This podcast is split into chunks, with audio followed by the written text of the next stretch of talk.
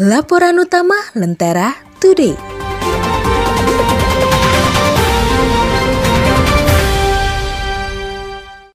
Menanti tuah sentilan presiden terkait pinjol.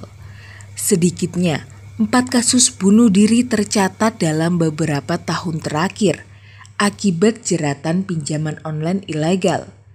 Belum lagi cerita ratusan kasus serupa yang berseliweran di media sosial atau medsos, atau bahkan resmi melapor ke polisi.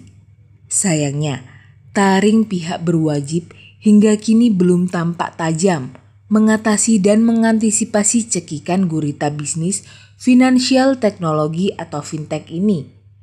Namun, sedikit angin sepoi berhembus kala Presiden Joko Widodo meminta otoritas jasa keuangan atau OJK untuk segera memiliki kebijakan agar tidak ada lagi penipuan oleh pinjol, bahkan hingga memakan korban jiwa. Akankah segera ada solusi?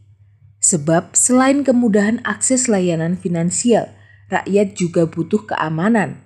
Kita tunggu saja ya tuah sakti suara kepala negara. Dapatkan juga berita menarik dan inspiratif lainnya di Hari Lentera Today edisi Selasa, 12 Oktober 2021. Cek edisi digitalnya di www.lenteratoday.com.